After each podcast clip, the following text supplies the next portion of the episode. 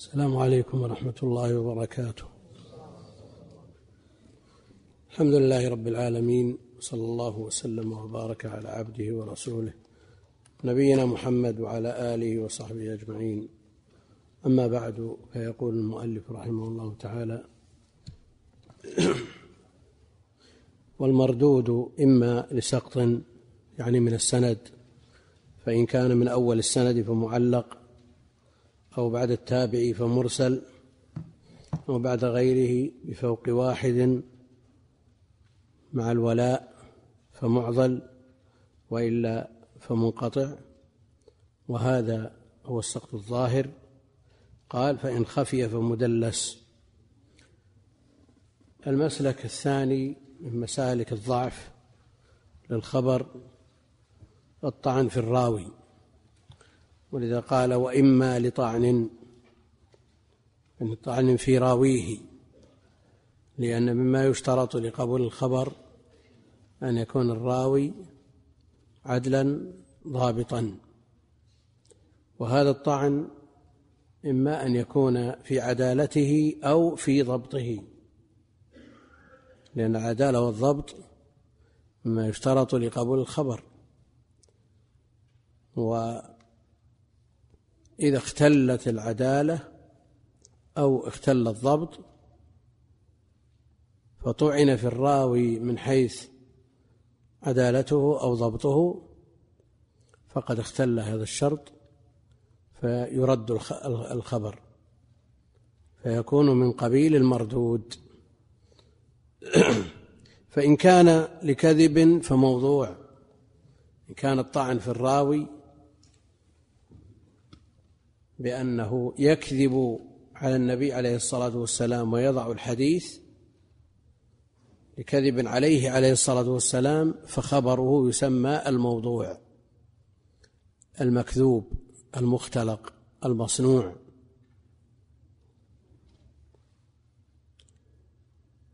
وهذا كما يقرر أهل العلم شر أنواع الحديث شر أنواع ما يتحدث به.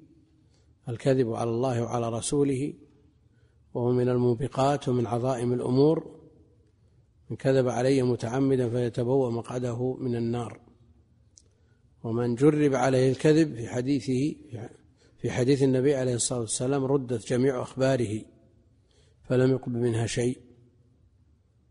وبالغ أبو محمد الجويني والد إمام الحرمين فكفر من كذب على النبي عليه الصلاة والسلام. ولا شك أن الوعيد الشديد متجه إليه بقوله فليتبوأ مقعده من النار إلا أن جماهير أهل العلم أنه لا يكفر على أنه لا يكفر. وإن ارتكب هذه العظيمة الموبقة من الموبقات. فإن كان لكذب فموضوع أو تهمة فمتروك. إذا اتهم الراوي بالكذب إذا ثبت عنه الكذب في حديث النبي عليه الصلاة والسلام خبره يسمى موضوع. وأما إذا اتهم بالكذب عليه عليه الصلاة والسلام فإن خبره يسمى المتروك. اتهم. وكيف يتهم الراوي بالكذب على النبي عليه الصلاة والسلام؟ إذا عرف بالكذب في حديثه العادي. كذب الحديث العادي ولم يثبت عنه أنه كذب على النبي عليه الصلاة والسلام هذا متهم. أو يذكر حديثا يتفرد به ويكون مخالفا لما علم من الدين بالضرورة وما علم من قواعده العامة ويتفرد به فإنه حينئذ يتهم بأنه كذب لكن لا يجزم بأنه كذب. حديثه يسمى المتروك وهو من أنواع الضعف الشديدة التي لا تنجبر بالطرق أو فحش غلط. الكذب يعود إلى العدالة والتهمة بالكذب تعود إلى العدالة وفحش فحش الغلط والغفلة يعودان إلى الضبط. يعني يكثر الغلط ويفحش في في في مروياته هذا يرد حديثه. وكذلك إذا عرف بالغفلة عرف بالغفلة بحيث لا يضبط ولا يتقن ما يرويه أو عرف بالفسق أو فسق وهو ارتكاب المحظورات وترك المأمورات. من ترك المأمور أو ارتكب المحظور فهو فاسق خارج عن حظيرة التدين إلى الفسق إلى الوصف بالفسق. فمثل هذا لا يقبل خبره بل يتبين فيه ويتثبت. فمنكر إذا عرف بفحش الغلط أو الغفلة أو الفسق فحديثه منكر. وإن عرف بالوهم في الحديث فخبره معلل. إذا كان يهم في حديثه فإن خبره يسمى أو حديثه يسمى معلل يكون مشتملا على علة. العلة مثل ما سبق ذكرنا الموضوع معروف. المكذوب المختلق على النبي عليه الصلاة والسلام والمتروك ما تركه أهل العلم لاتهام راويه بالكذب أيضا من الضعف الشديد الذي لا ينجبر والمنكر يقابل المعروف. فإذا رواه فاحش الغلط أو كثير الغفلة أو الفاسق موصوف بالضعف مخالفا لمن هو أوثق منه فإن خبره يسمى منكر ويقابله المعروف. وإذا كثر الوهم في حديث الراوي فإن حديثه يسمى معلل. هذا كلام المؤلف وتبع في ذلك الحافظ بن حجر في النخبة. وذكرنا في حد الصحيح غير معلل ولا شاذ أن المعلل ما اشتمل علة اشتمل على علة. قالوا إن العلة سبب خفي غامض يقدح في صحة الخبر الذي ظاهره السلامة منها. وهو من أدق علوم الحديث ولم يتكلم فيه إلا الأئمة الكبار بخلاف الأنواع الأخرى التي تظهر وتلوح لكل باحث له عناية بالحديث. أما المعل المعلل فإنه لا يتصدى له إلا الأفذاذ من الأئمة وألف فيه كتب عظيمة من أعظمها العلل للدار قطني. ومن أراد قيمة هذا الكتاب فلينظر في كلام الحافظ ابن كثير عنه. مثل هذا الكلام لا يخاطب به أوساط المتعلمين لأن الكتاب وعر ليس بالسهل. لا يدرك مغزى المؤلف إلا أو لا يدرك مغزى المؤلف إلا من رسخت قدمه في هذا الباب. لكن لا يمنع أن يطلع عليه طالب العلم وينظر فيه ويفهم منه ما يفهم ويترك ما يترك. لأن العناية بمثل هذه الكتب الصعبة بحيث يكون الإنسان يتفرغ من لها وليس متمكن. ما قرأ في الكتب الأخرى التي تمهد له الطريق لفهم هذه الكتب مثل هذا قد يدعوه هذا التصرف إلى ترك تعلم علم الحديث. لأن فيها صعوبة وعورة لا يدركها أحد المتعلمين. يعني مثل من سمع ابن القيم يمدح العقل والنقل لشيخ الإسلام. يذهب يقرأ يشتري الكتاب درء تعارض العقل والنقل ثم يقرأ فيه ثم يوم أو يومين ويمكن يترك العلم كله. لأن فيه الصفحات بالعشرات بل بالمئات لا يفهمها حتى من رسخت قدمه في العلم في صعوبة متناهية. لكن لا يمنع أن يستفاد من أبواب ومن مواضع أخرى.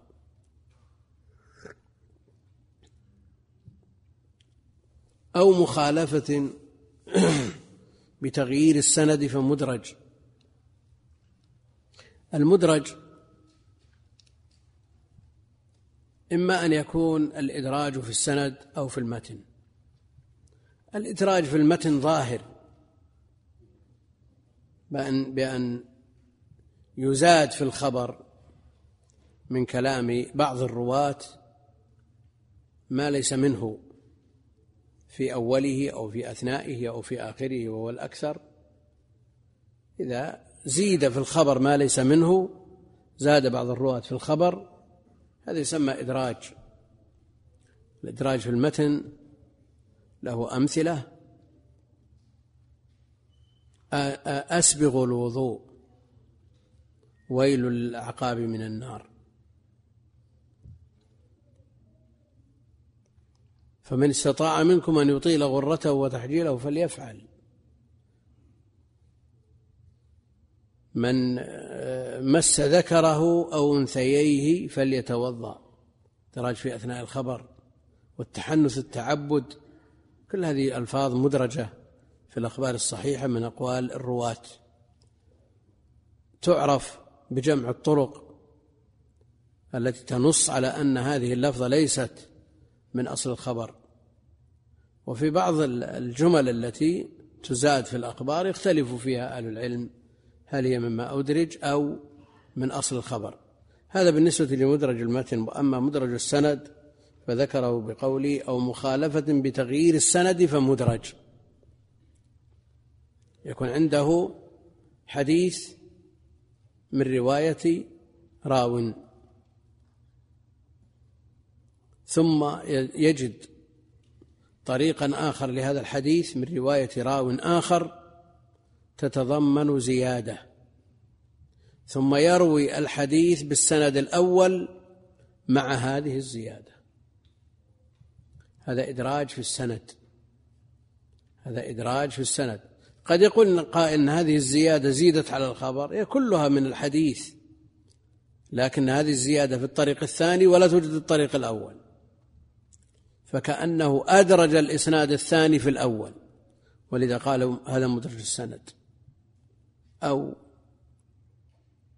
من صور إدراج السند مثل ما قلنا أن يكون عنده الخبر من أكثر من طريق وبعضها فيه زيادات فيجمع الألفاظ ويسوقها بإسناد واحد. في الأصل لا توجد هذه الزيادات من طريق هذا الإسناد. أو يتضمن زيادة في الرواة.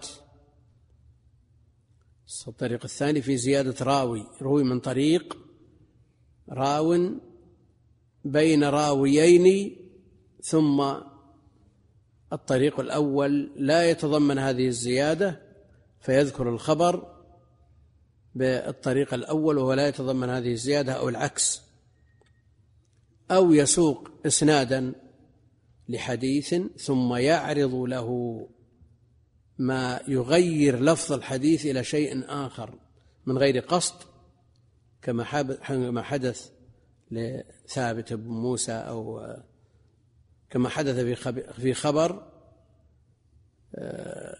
من كثرت صلاته بالليل بالنهار بالليل حسن وجهه بالنهار.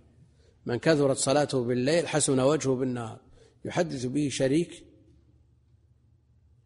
يذكر إسناده ثم يدخل ثابت بن موسى الزاهد ووجهه يشع نورا من من من العبادة. فقال من كثرت صلاته بالليل حسن وجهه بالنهار وهو لا يريد أن يسوق حديث لذلك السند. إنما ذكر هذا الخبر للمناسبة. التي حصلت. فيساق هذا الخبر هذا المتن على أنه متن ذلك الإسناد. وصوره وأمثلته كثيرة.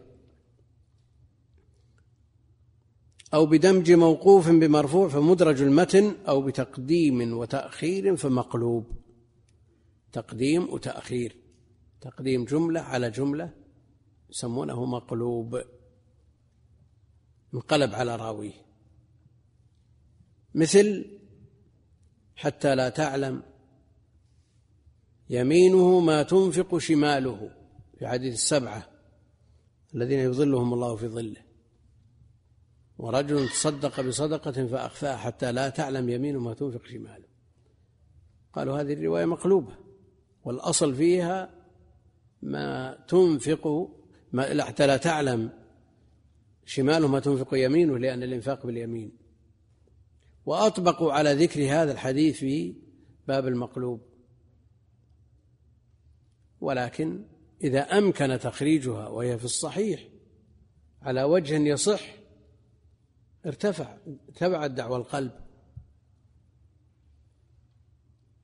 أحيانا الإنسان يحتاج إلى الصدقة بالشمال. يدل لذلك حديث ما يسرني أن لي مثل أحد ذهبا تأتي علي ثالثة وعندي منه دينار إلا دينار أرصده لدين. فأقول به هكذا وهكذا وهكذا عن يمينه وعن شماله. تصدق بيمينه تصدق بشماله. ولا يوجد ما يمنع من هذا ومن أمامه ومن خلفه. وقد تدعو الحال أن يتصدق بشماله ويكون في هذه الحالة أفضل من أجل الإخفاء فيأتي المحتاج ويجلس عن شمال المتصدق. إذا تصدق عليه بيمينه بيشوفونه كل اللي حوله لكن لو أخرج شيئا من جيبه وأعطاه إياه بشماله أخفاها وحينئذ لا تعلم يمينه ما تنفق شماله. أقول إذا أمكن تخريج الحديث الذي يثبت بسند صحيح إذا أمكن تخريجه على وجه صح لا يمكن أن يوصف بأنه ضعيف لأن المقلوب من قسم الضعيف. من ذلكم حديث البروك اللي حكم عليه ابن القيم بأنه مقلوب. قلب على راويه إذا صلى أحدكم فلا يبرك كما يبرك البعير وليضع يديه قبل ركبتيه. قالوا انقلب هذا الحديث لأن البعير يضع يديه قبل ركبتيه. كيف يقول لا يبرك كما يبرك البعير ومع ذلك يقول وليضع يديه قبل ركبتيه.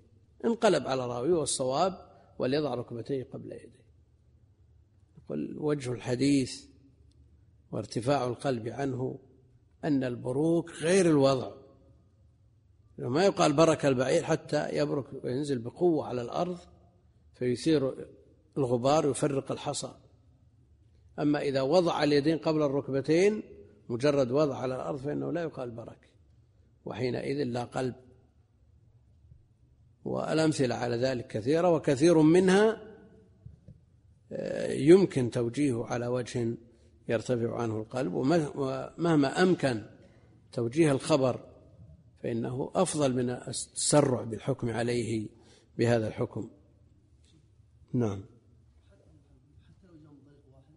وشو؟ الحديث لو جاء من طريق واحد مرة هكذا ومرة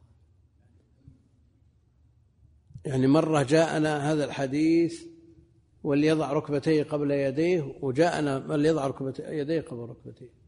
نعم. يبقى أن الممنوع البروك ويكون حينئذ ينظر في الراجح من الوجهين. الراجح من الوجهين. يبقى أن الممنوع البروك الذي يشبه بروك البعير في تفريق الحصى وإثارة الغبار. لكن أن تفترض أن شخصا فعل كما في حديث وائل بن حجر كان النبي عليه الصلاة والسلام إذا سجد وضع ركبتيه قبل يديه. نزل على الأرض بقوة على ركبتيه. إيش تقول؟ هذا طبق ما جاء عن النبي عليه الصلاة والسلام؟ ما طبق. وين؟ القوة هذه نزل البعير. ما يقال برك البعير إلا إذا نزل بقوة. شو؟ وين؟ لا. لا يبرك كما يبرك البعير. كما يبرك من هذه القوة. لأنه إذا نزل اصبر. إذا نزل على ركبتيه بقوة ما يصير ربض مثل ما يربض الحمار. أيهم أشد؟ المقصود أن ينزل يضع يديه قبل يضع وضع. لا يبرأ. ولذلك ما تجد من المتقدمين من قال أن الحديث مقلوب. ما يفهمون؟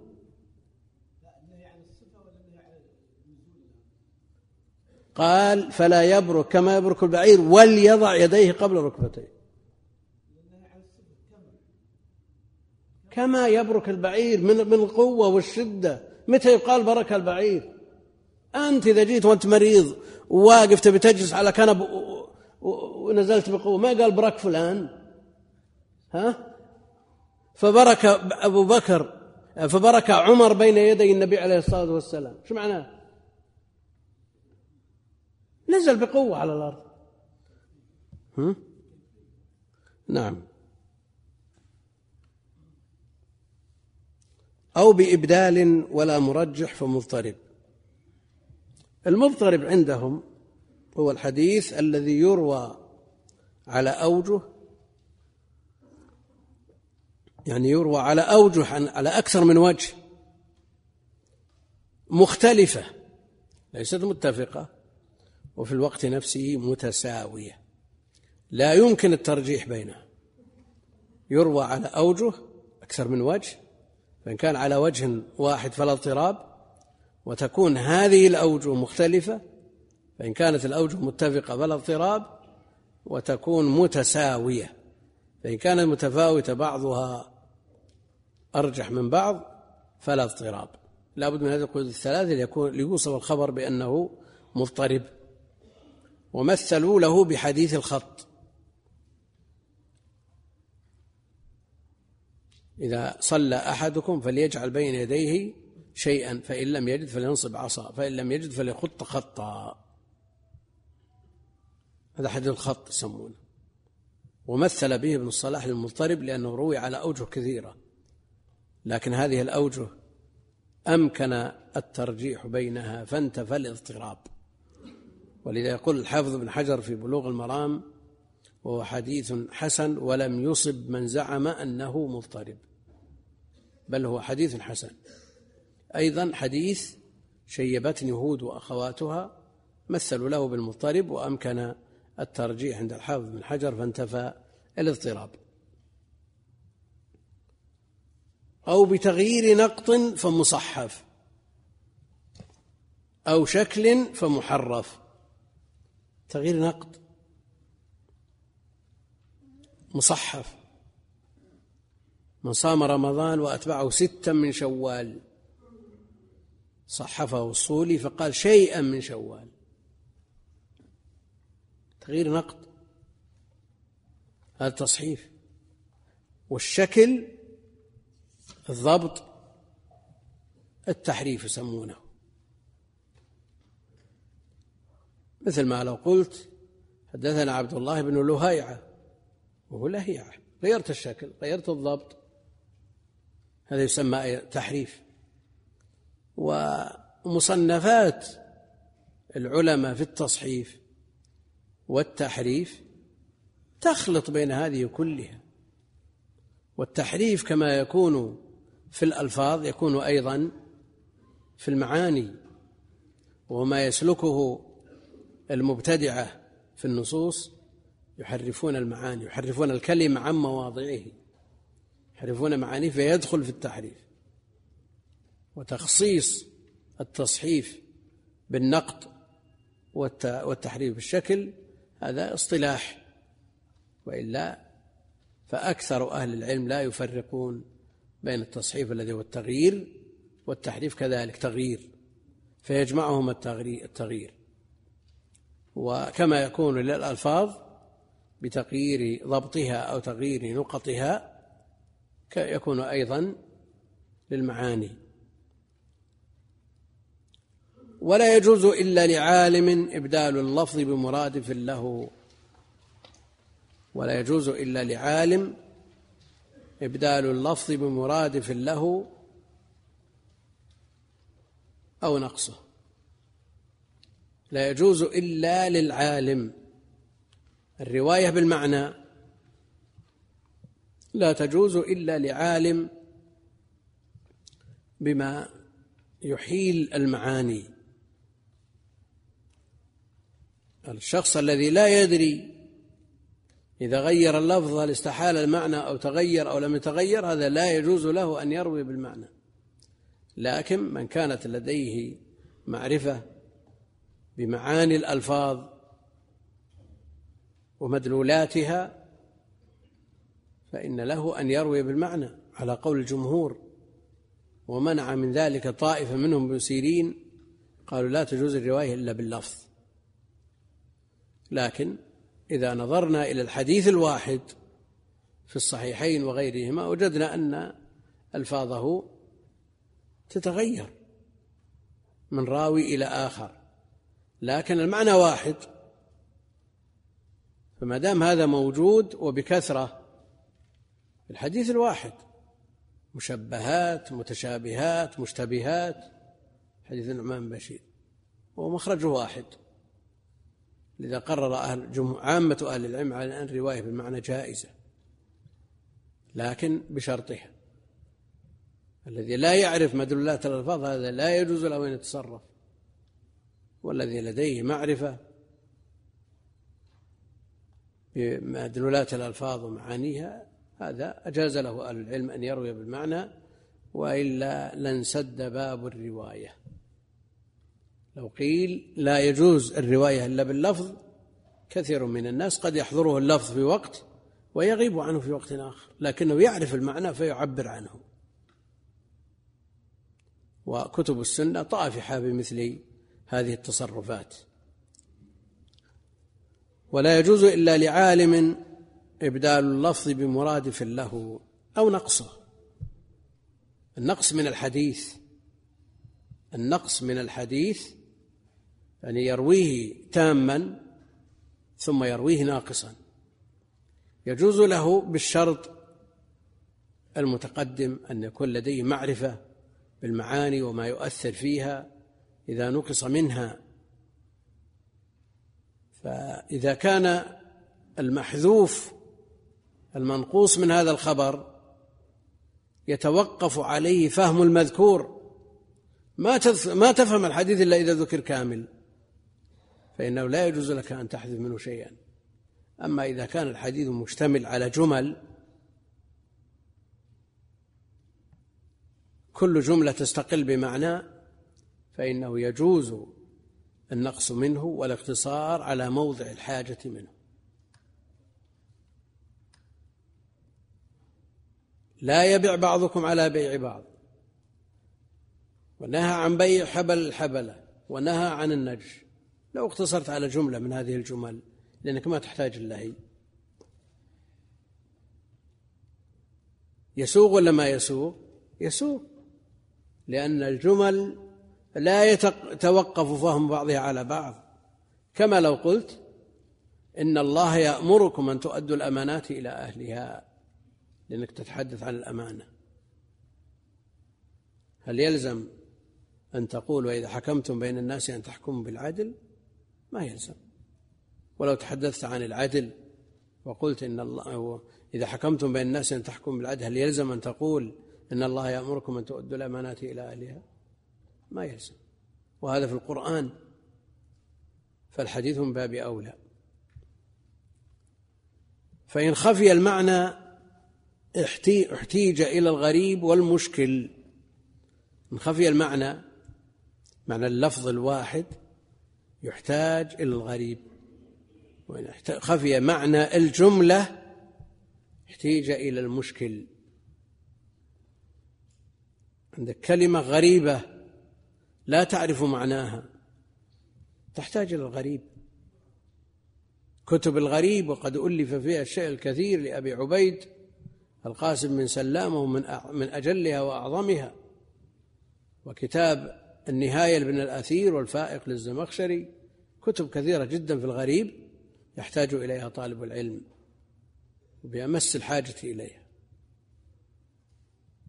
فإذا أشكل عليك لفظ ترجع إلى الغريب كما أنه إذا أشكل عليك لفظ من كلام الله جل وعلا ترجع إلى كتب غريب القرآن وإلى التفاسير وأن ترجع إلى كتب الغريب وترجع إلى الشروح.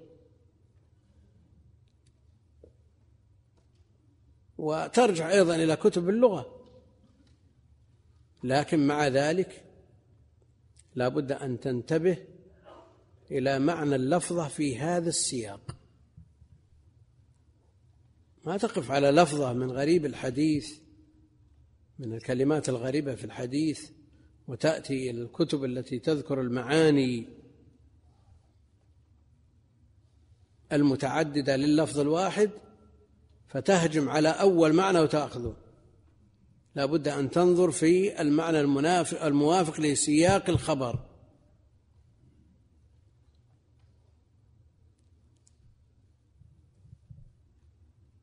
فإن من خفي المعنى احتيج إلى الغريب أو والمشكل. والمشكل يعني فيه جمل تخفى عليك من الأحاديث النبوية وقد هنا قد يكون هناك تعارض مع خبر آخر. يكون معنى الجملة الجملة فيه لبس ولو لم يحصل تعارض. أو يكون معناها ظاهر لكنه معارض. فإن خف فإن كان فيها أشك لبس من غير معارض فكتب مشكل الحديث ومشكل الآثار وصنف فيه الأئمة كالطحاوي وغيره. وإن كان ثم معارض فكتب مختلف الحديث التي أشرنا إليها سابقا للإمام الشافعي وابن قتيبة وغيرهم.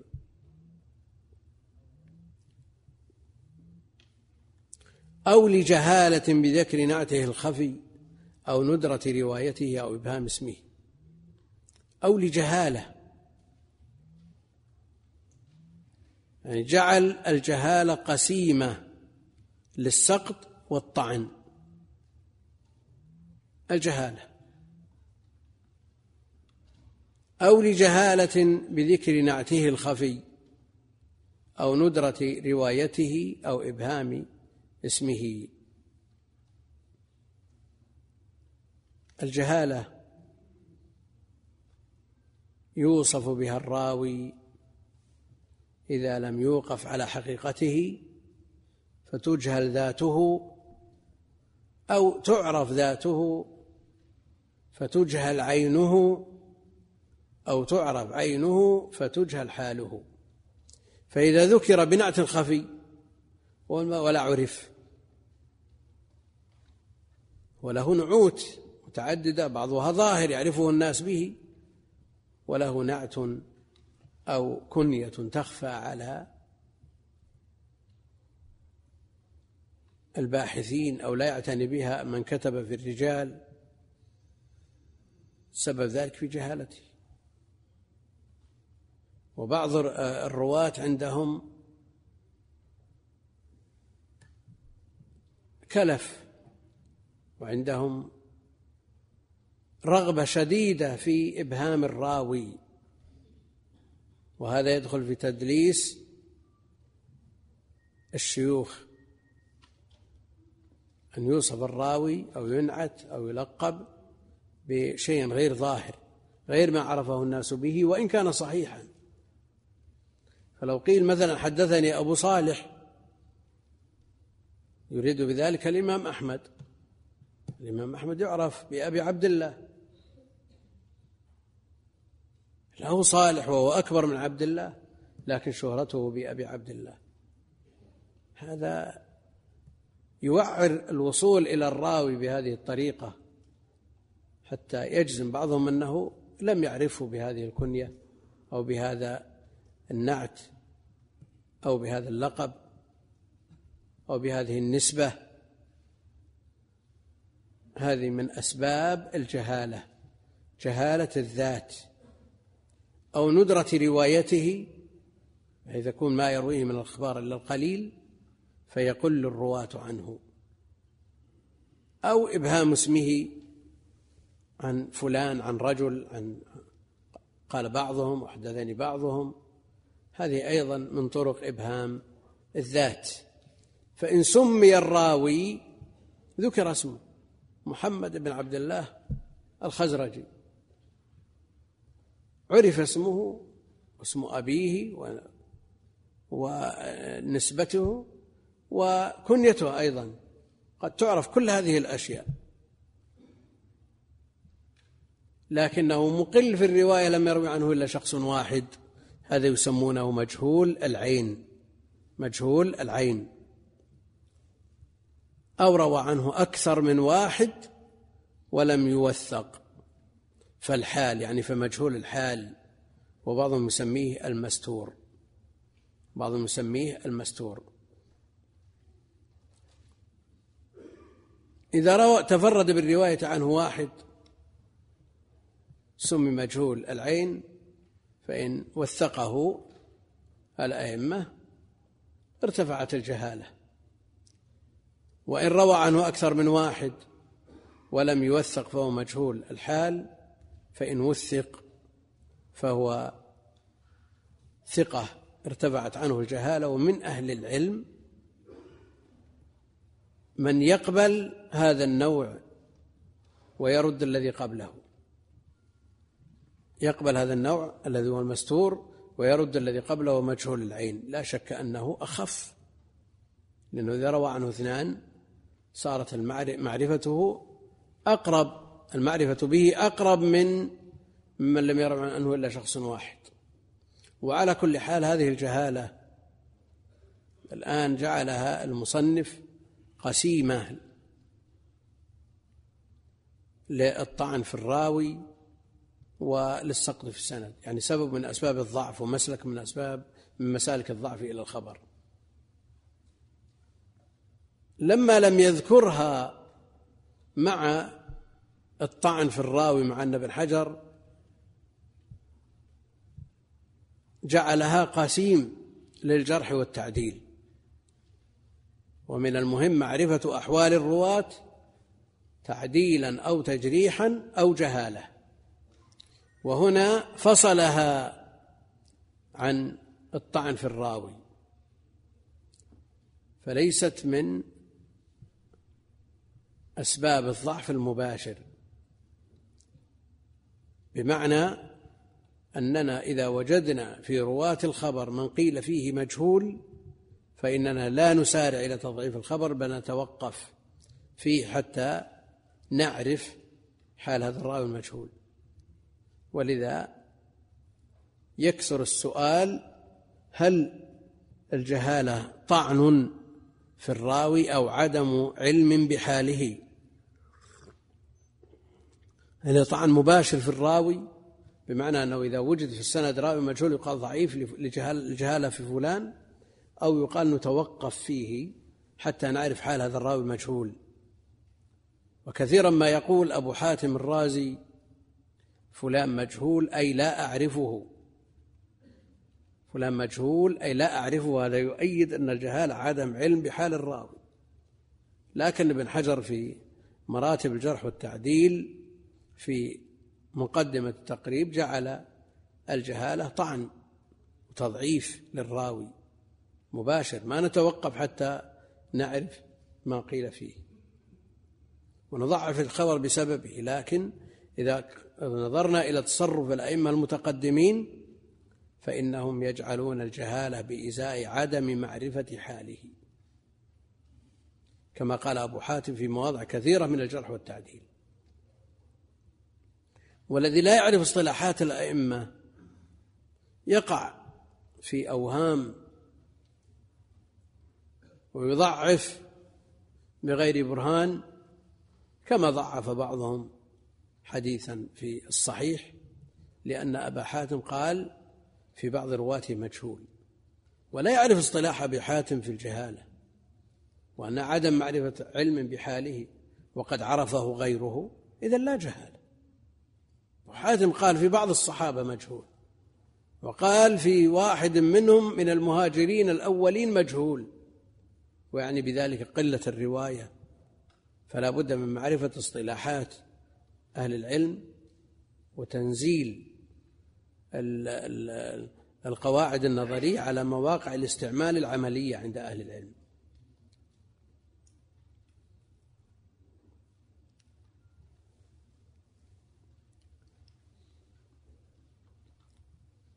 أو لبدعة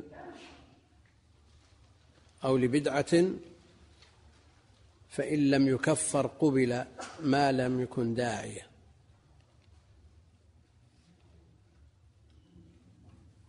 أو لبدعة أو للاتصاف بالبدعة وهذا من أوجه الطعن في الراوي الراجع إلى عدالته.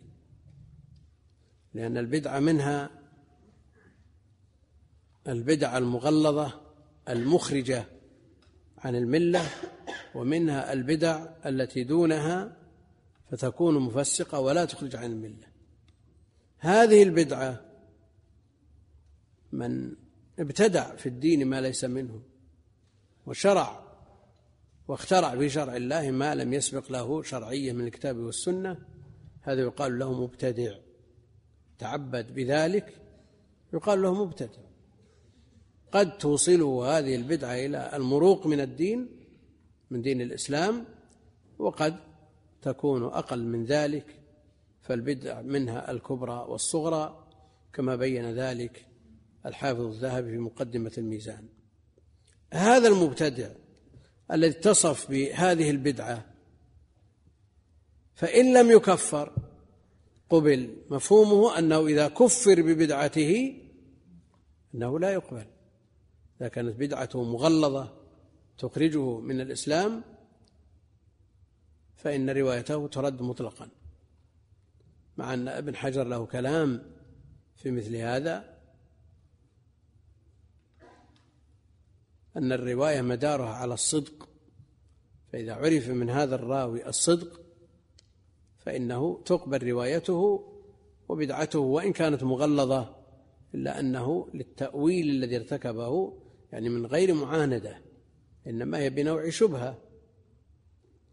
فصرح جمع من العلم بقبول روايته ولو كان ولو كانت بدعته مغلظة.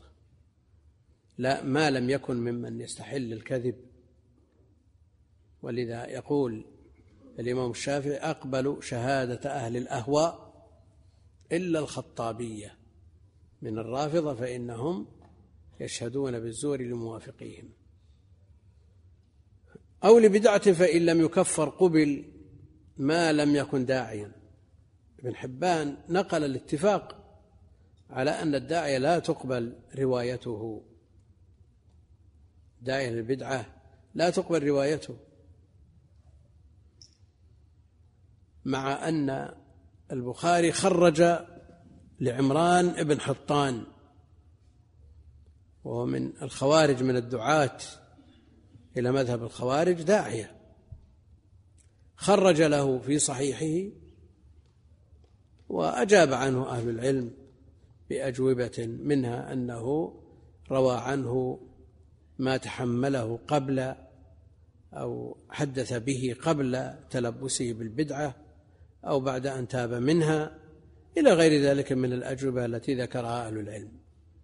وابن حجر يقول وما المانع من قبول روايته؟ وقد عرف بصدق اللهجة. ومعلوم أن الخوارج عرفوا بذلك لأنهم يرون الكذب من الكبائر والكبيرة مخرجة من الدين فهم يتحاشونه وهم أصدق الطوائف البدع أصدق من غيرهم. قول وقد عرف بصدق اللهجة وتعقبه العيني بقوله وأي صدق في لهجة مادح قاتل علي وأي صدق في لهجة مادح قاتل ابن قاتل علي. عمران بن حطان مدح ابن ملجم. يا لها ضربة من تقي ما أراد بها إلا إلى آخر الكلام. هذا صادق اللهجة ولا كاذب اللهجة؟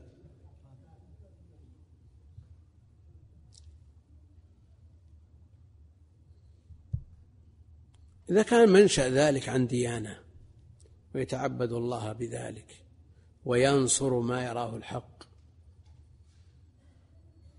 ينصر ما يراه الحق هو على باطل بلا شك مقطوع ببطلان آه، مذهبه ومقطوع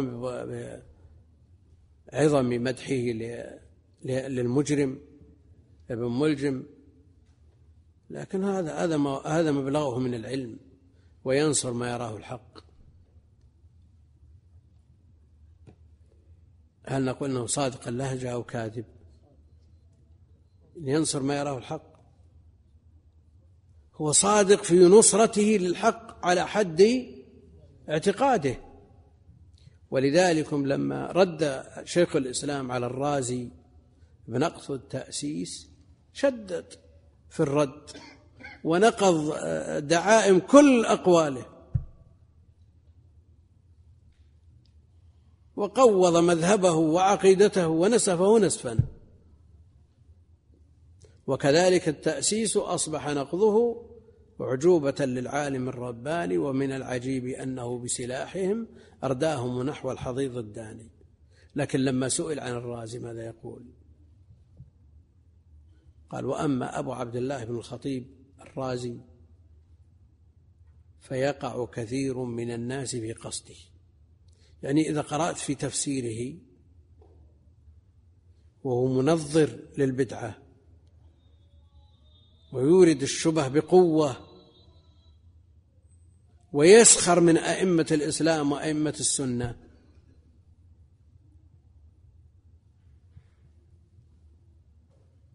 ماذا يقول القارئ لمثل هذا الكلام؟ لا شك أنه يتقطع غيظ على مثل هذا الكلام وعلى هذا المتكلم. وتكلم على إمام الأئمة بن خزيمة بكلام قبيح جدا. ووصف كتابه كتاب التوحيد بأنه كتاب الشرك. ومع ذلك يقول يقع كثير من الناس في قصده والذي أراه أنه ينصر ما يراه الحق. يعني بغض النظر عن كون ما يراه صواب أو خطأ لكنه رأى أن هذا هو الحق فهو ينصره. لكن هل هذا يعفيه؟ كونه يرى أن هذا الباطل حق وينصره على أنه ينصر الحق هل هذا يعفيه من التبعة؟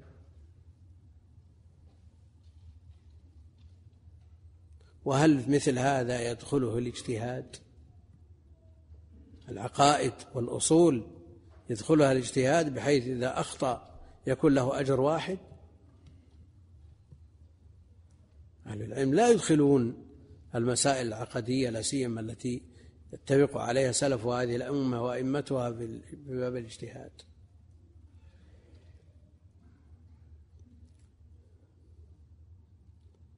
نعود إلى عمران بن حطان وهو من رؤوس القعدية من الخوارج ومن الدعاة إلى مذهبهم.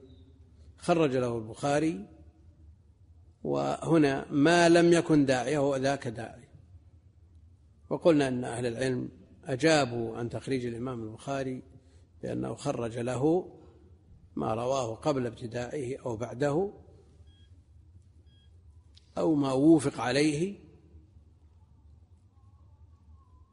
إلى غير ذلك من الأجوبة أو لم يروي موافقة يعني رواية موافقة لمذهبه تؤيد بدعته.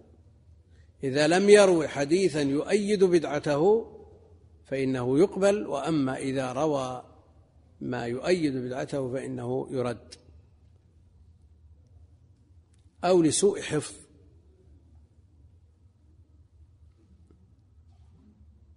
فحش الغلط والغفلة وسوء الحفظ كلها من أسباب الطعن في ضبط الراوي. سوء الحفظ إن كان ملازم للراوي من أول أمره إلى آخره هذا لا إشكال في رده. لكن كان طارئا قال فإن طرأ فمختلط. فإن طرأ فمختلط كان حافظ ضابط يقظ ثم طرأ عليه أن ضعف حفظه أو تغير ضبطه طرأ عليه ذلك يسمى مختلط. وألف في الاختلاط والمختلطين مصنفات. هذا المختلط الذي تغير بأخره هذا إن عرف وضبط وقت التغير فما حدث به قبل التغير يقبل وما حدث به بعد التغير يرد وما اشتبه فيه يتوقف فيه.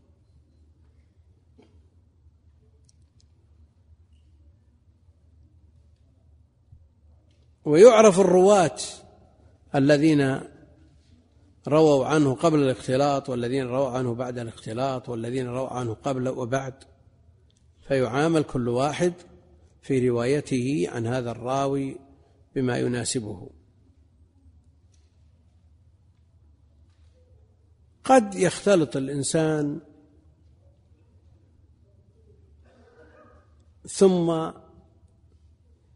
يورد أخبار مضبوطة متقنة. سمعنا بعض كبار السن الذين وصلوا إلى حد الخرف تجده الأخبار التي حصلت له في أول عمره ورددها كثيرا لا يخطئ فيها. والأخبار التي تأخرت في أثناء عمره أو في آخره يخطئ فيها. المقصود أن هذا المختلط يعني من باب الاحتياط للرواية أنه بعد اختلاطه لا يتحمل منه شيء ولا يقبل منه شيء بخلاف ما كان قبل. قال رحمه الله والإسناد إن انتهى إليه صلى الله عليه وسلم فمرفوع مسند. فالمرفوع ما أضيف إلى النبي عليه الصلاة والسلام من قول أو فعل أو تقرير أو وصف. والمسند يطلق بإزاء المرفوع كما أشار المؤلف فمرفوع مسند. وقد يطلق المسند ويراد في يراد به ما ذكر إسناده. بإزاء ما ذكر إسناده متصلا ويقابلون به الإرسال. وقد يطلق المسند ويراد به الكتاب التي تذكر فيه الأخبار بالأسانيد. وقد يطلق المسند ويراد به الكتاب الذي ترتب أحاديثه على مسانيد الصحابة. فمرفوع مسند أو إلى صحابي ينتهي إلى الصحابي فما يضاف إلى الصحابي يسمى الموقوف. والصحابي من اجتمع به صلى الله عليه وسلم مؤمنا به. من اجتمع بالنبي عليه الصلاة والسلام. مؤمنا به ومات على ذلك. فقوله من اجتمع به وبعضهم من يقول من رأى النبي عليه الصلاة والسلام والاجتماع به اولى ليدخل الأعمى. مؤمنا به ومات على ذلك ليخرج من ارتد عن الإسلام. ويدخل من رآه واجتمع به مؤمنا به ولو ارتد بعد ذلك ثم رجع إلى الإسلام فمات مؤمنا به عليه الصلاة والسلام. أما من اجتمع به عليه الصلاة والسلام قبل أن يسلم ثم أسلم بعد ذلك لأن مؤمنا به حال كونه مؤمنا به. من آمن به بعد موته عليه الصلاة والسلام ولو اجتمع به فإن هذا لا يسمى صحابي. و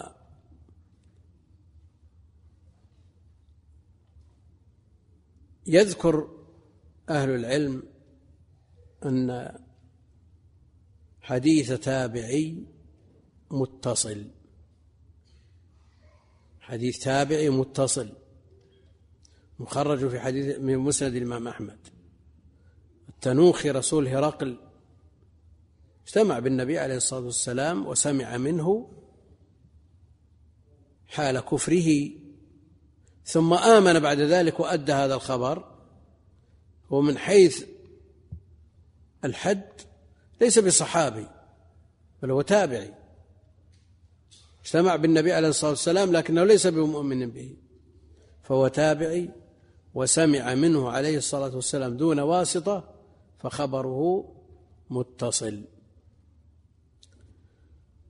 أو إلى صحابي وهو من اجتمع به صلى الله عليه وسلم مؤمنا به ولا بد من إضافة قيد ومات على ذلك فموقوف. يسمى الموقوف. أو إلى تابعي فمقطوع. ما يضاف إلى النبي عليه الصلاة والسلام هو المرفوع وما يضاف إلى الصحابة هو الموقوف وما يضاف إلى من دونهم هو المقطوع. وهو غير المنقطع الذي تقدمت الإشارة إليه. وربما أطلق المنقطع وأريد به المقطوع والعكس. والعكس. والمقطوع كالمرفوع والموقوف فيه الصحيح وفيه الضعيف وفيه الحسن وفيه المتصل والمنقطع. فالمرفوع إلى النبي عليه الصلاة والسلام فيه ما اتصل إسناده وفيه ما انقطع إسناده وفيه ما صح عنه عليه الصلاة والسلام وفيه ما ضعف ولم يصح ولم يثبت. وكذلك الموقوف والمقطوع. وأهل العلم يقولون متصل مرفوع. كما يقولون متصل موقوف لكنهم لا يرون أن يقال متصل مقطوع. وإن كان هو في حقيقة الأمر الكلام صحيح يعني إذا رويت عن سعيد بن المسيب أو عن الحسن البصري أو غيرهما من التابعين بسند متصل ما فيه انقطاع تقول متصل مقطوع أو لا تقول لكن أهل العلم لا يقولون مثل هذا. حقيقة الحال يمكن أن يوصف بأنه متصل لكن لم يروا أن يدخل المقطوع في بحث المتصل للتنافر اللفظي للتنافر اللفظي بين الاتصال والقطع. الآن هو مقطوع من جهة ومتصل من جهة. فالجهة منفكة بين اللفظين فلا إشكال.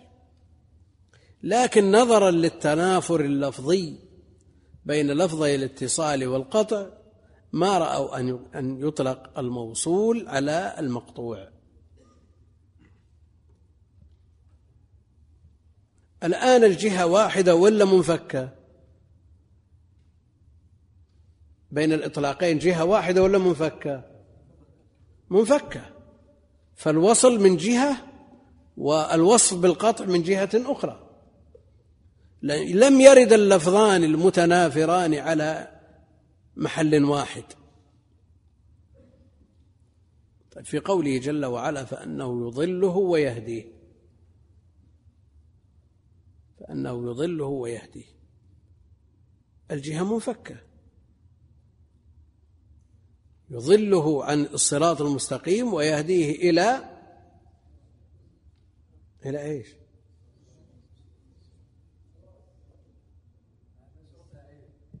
إلى عذاب السعير. الجهة منفكة. فصح إطلاق اللفظين المتنافرين. فأنه يضله ويهديه. فإذا انفكت الجهة صح الإطلاق ولو تنافر اللفظ.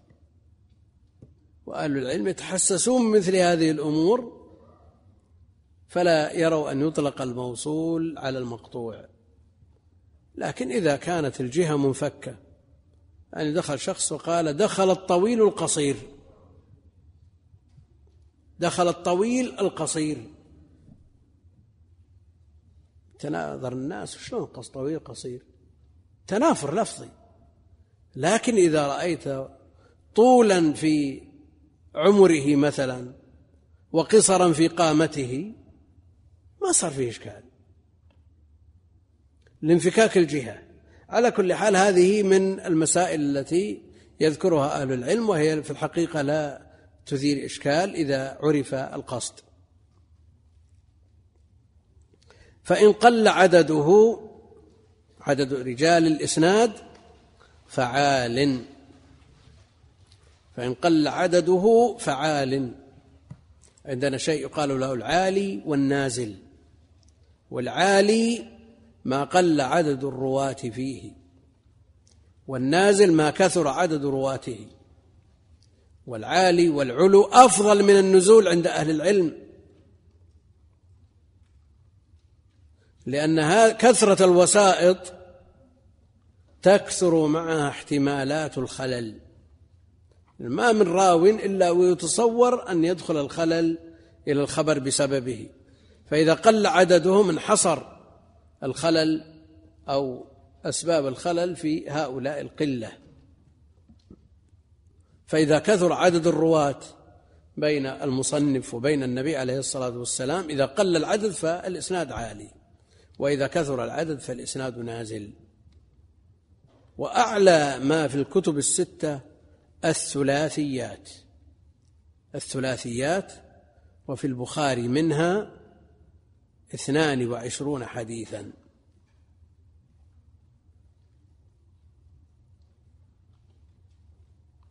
سبعة عشر منها عن المكي بن إبراهيم عن يزيد بن أبي عبيد عن سلمة بن الأكوع وخمسة بأسانيد أخرى. هذا أعلى ما في كتب السنة الستة من العوالي. وفي المسند أكثر من ثلاثمائة حديث ثلاثيات. والسبب في ذلك تقدم الزمن. وأنزل ما في الكتب الستة حديث سورة الإخلاص الذي خرجه النسائي وفي إسناده ستة من التابعين يروي بعضهم عن بعض بواسطة أحد عشر راويا.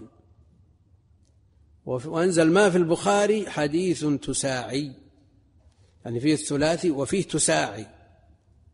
بين البخاري وبين النبي عليه الصلاة والسلام تسعة من الرواة ويل للعرب من شر قد اقترب. حديث زينب المشهور. وأما مسلم فليس فيه ولا حديث ثلاثي. الترمذي فيه حديثان أو ثلاثة وابن ماجه كذلك وأبو داود النسائي ليس فيه قطعا وأبو داود يختلفون في حديث أبي برزة في الحوض هل هو ثلاثي أو رباعي؟ قد يقول قائل كيف؟ يختلف فيها الثلاثي ولا رباعي والسند أمامنا. والمسألة عدد. واحد اثنين ثلاثة أربعة أو ثلاثة. كيف يختلف في الحديث هل هو ثلاثي أو رباعي؟ أصل القصة ثلاثية. أصل القصة ثلاثية. والخبر الذي هو الحديث عن الحوض دخل فيه رجل بين أبي برزة وبين من روى عنه حيث قال الراوي عنه حدثني رجل كان في الصماط يعني معهم داخل معهم في خلوتهم. أن أبا برزة حدث ابن عامر بقوله إلى آخر حديث الحوض. فوجد هذا هذه الواسطة بين الراوي بين أبي برزة وبين التابعي فصار الخبر المرفوع رباعي والقصة ثلاثية. فإن قل عدده فعال.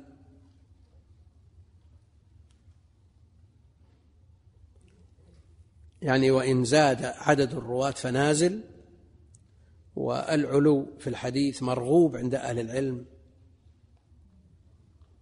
وأمنية أحدهم في مرض موته بيت خال وسند عالي. فإن وصل إلى شيخ مصنف لا من طريقه فموافقة. فإن وصل إلى شيخ مصنف لا من طريقه فموافقة.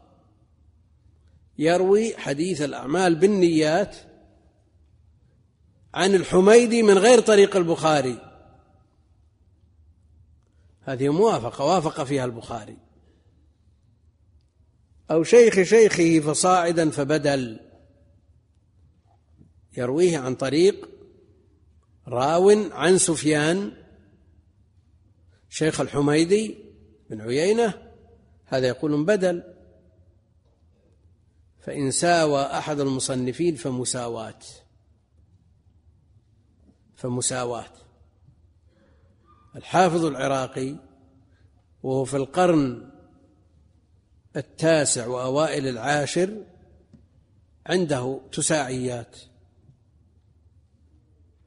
والبخاري وهو في منتصف القرن الثالث عنده حديث تساعي.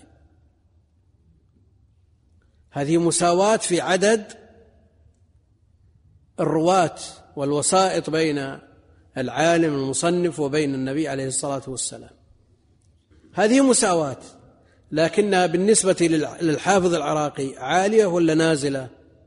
عالية جدا. وبالنسبة للبخاري نازلة جدا. لأنه ليس النظر متمحض في عدد الرواة فقط بل في الزمن. لأنك لو نظرت في من يساوي البخاري من الرواة في سند الحافظ العراقي الذي يروي به الحديث من طريق تسعة وجد العراقي يروي يمكن من حديث ثلاثة. فهو عالي بالنسبة له. فإن ساوى أحد المصنفين فمساواة. وساوى تلميذه فمصافحة. ساوى تلميذ البخاري في عدد الرواة. البخاري روى هذا الحديث التساعي. وبينه وبين النبي عليه الصلاة والسلام تسعة. الحافظ العراقي مثلا عنده هذا الحديث عشاري. فالبخاري الحافظ العراقي لا يساوي البخاري في هذه الحالة وإنما يساوي تلميذ البخاري. قالوا والعادة أن التلميذ إذا رأى شيخه صافحه. فقالوا هذه مصافحة. ويقابله النزول. النزول بأن يكثر عدد الرواة فيقابل العوالي. والأمثلة مثل ما ذكرنا. أو روى عن قرينه فأقران. ابن عمر روى عن ابن عباس. هذه رواية الأقران. عائشة روت عن ابن الزبير رواية أقران. وقل مثل هذا في من دونهم من التابعين ومن بعدهم. هذه رواية الأقران. يروي الزميل عن زميله. يسمونها رواية الأقران. أو كل عن الآخر فمدبج. يعني روى ابن عمر عن ابن عباس وروى ابن عباس عن ابن عمر. يسمونه مدبج. أو عمن دونه فأكابر عن أصاغر. إذا روى عن زميله عن قرينه رواية الأقران. روى القرين الثاني عنه مدبج. إذا روى عمن دونه يعني من أصغر منه عن, عن تلميذ من تلاميذه فرواية الأكابر عن الأصاغر. ومن ذلكم رواية النبي عليه الصلاة والسلام عن تميم الداري حديث الجساسة في صحيح مسلم. ومنه آباء عن أبناء منه رواية الآباء عن الأبناء. وهذا قليل مثل رواية العباس عن ابنه الفضل.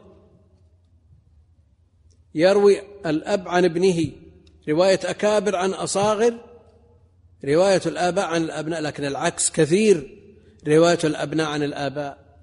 يروي عن أبيه هذا جادة مطروقة كثيرة.